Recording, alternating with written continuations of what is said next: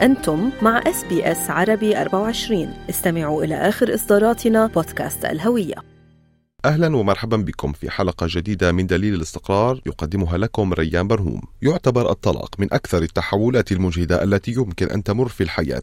ونظرا لارتفاع التكاليف المالية والمعنوية للذهاب إلى المحكمة فإن النظام القانوني الأسترالي يشجع على محاولة تسوية النزاعات الأسرية قبل اللجوء إلى القضاء. الطلاق هو الإنهاء الرسمي للزواج ولكن بالنظر إلى الآثار المعنوية والأبوية والمالية الهائلة للطلاق يمكن للعائلات أن تكافح للوصول إلى تسوية مالية ودية دون تدخل من المحكمة. في أستراليا يطلب من الزوجين إثبات أن زواجهما غير قابل للإصلاح كجزء من طلب الطلاق. يجب أن يثبتوا أنهم انفصلوا لأكثر من 12 شهرا وأن يوافقوا على ترتيبات الأبوة والأمومة والترتيبات المالية. إيلانور لاو شريكة في مكتب المحاماة الأسترالي Lander and Rogers مختصة في قانون الأسرة منذ 15 عاما وتتمتع بخبرة في تسوية حالات الطلاق تقول السيدة إيلانور إنه قبل اللجوء إلى القضاء يجب محاولة تسوية الأمور المالية والأبوية رسميا أولا ما لم تكن هناك استثناءات If you want to go to court in relation to parenting issues, there's a requirement that parents must have participated in family dispute resolution first.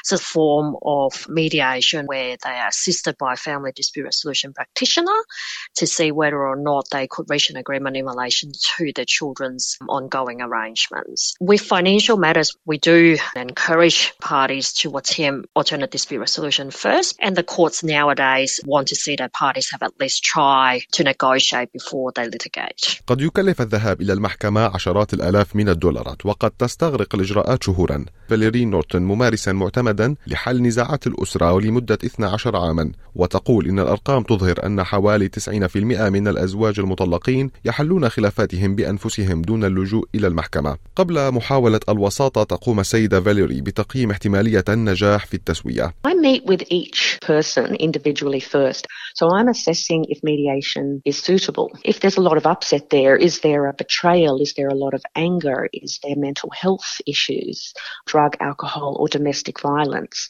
And so those safety checks are extremely important to do. Then if I decide that, okay, I can see some commonality here, it's possible that they'll agree without having to go to court.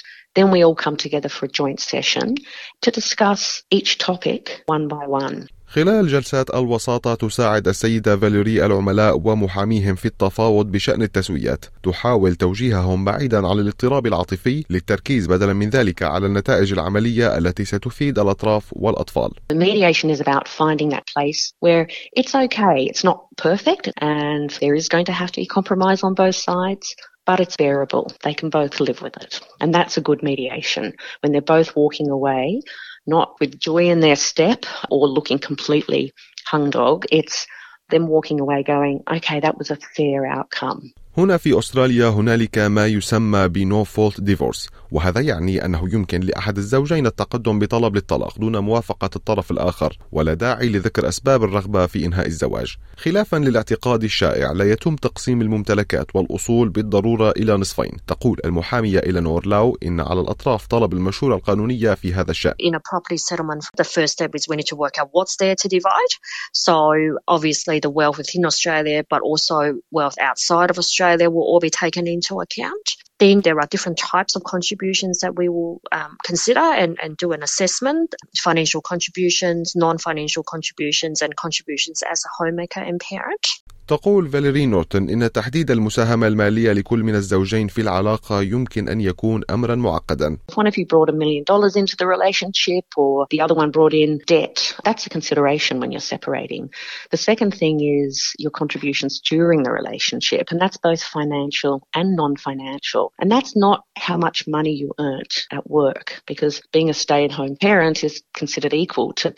CEO who's on a million dollars a year. It's more about did your parents give you money to buy a house or did you live with them for years to save up for a house? Did you inherit? Those sort of things. الاعتبار الثالث في تسوية الممتلكات هو احتساب الاحتياجات المستقبلية لكل من الزوجين يبحث هذا التحليل في عمر كل زوج والمكاسب المحتملة والصحة العامة من بين جوانب أخرى لتحديد النسب المئوية لكيفية تقسيم الأصول What that means is that are there any reasons in this case that should entitle a party to receive a little bit more because that person may have greater needs moving forward. So typical scenario is if one party has a primary care of young children and moving forward that party will continue to assume that primary parenting role and therefore it's unable to earn work or re-enter the workforce or earn a much lower income than the other party.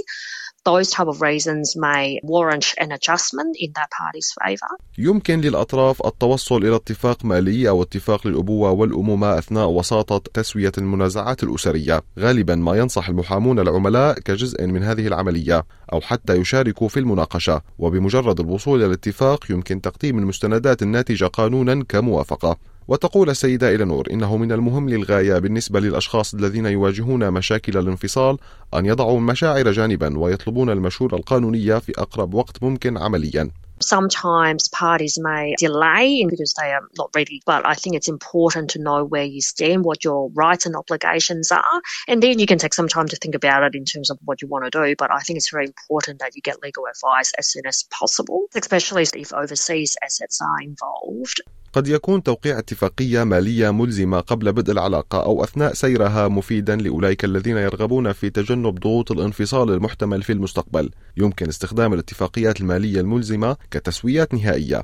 ويمكن للأشخاص الذين لا يملكون ثروة كبيرة ولا يستطيعون تحمل تكاليف محام أو وسيط خاص الحصول على المشورة من المساعدة القانونية أو المراكز القانونية المجتمعية يمكنهم أيضا الاتصال ب Relationships Australia وهي خدمة تمولها الحكومة والتي يمكن أن تساعد العائلات في حالة الانفصال عن طريق تقديم مشورة قانونية محدودة وربطهم بالوسائط والمستشارين المعتمدين مجانا أو بتكلفة منخفضة. يشرح الرئيس التنفيذي لشركة Relationships Australia نيك تبي عن ذلك. Going through a Relationships Australia type service can minimize a lot of the cost that you would otherwise incur by going to lawyers.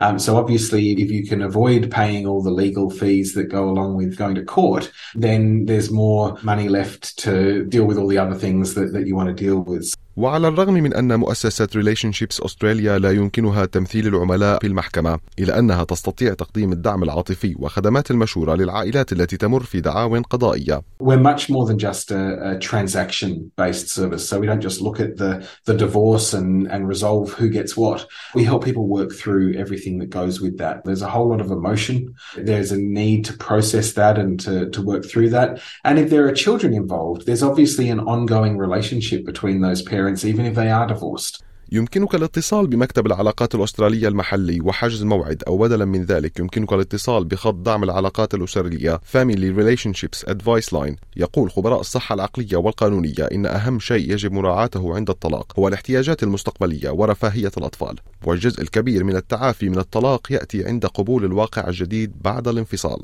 we're much more than just a, a transaction based service. So we don't just look at the, the divorce and, and resolve who gets what. We help people work through everything that goes with that. There's a whole lot of emotion. There's a need to process that and to, to work through that. And if there are children involved, there's obviously an ongoing relationship between those parents, even if they are divorced. للحصول على الدعم المعنوي يمكنك الاتصال بلايف لاين على واحد ثلاثة واحد واحد واحد أربعة أو بيوند بلو على واحد ثلاثة صفر صفر اثنين اثنين أربعة ستة ثلاثة ستة. وللاتصال على Family Relationships Advice Line واحد ثمانية صفر صفر صفر خمسة صفر ثلاثة اثنين واحد. هل تريدون الاستماع إلى المزيد من هذه القصص؟ استمعوا من خلال Apple Podcast، Google Podcast، Spotify أو من أينما تحصلون على البودكاست.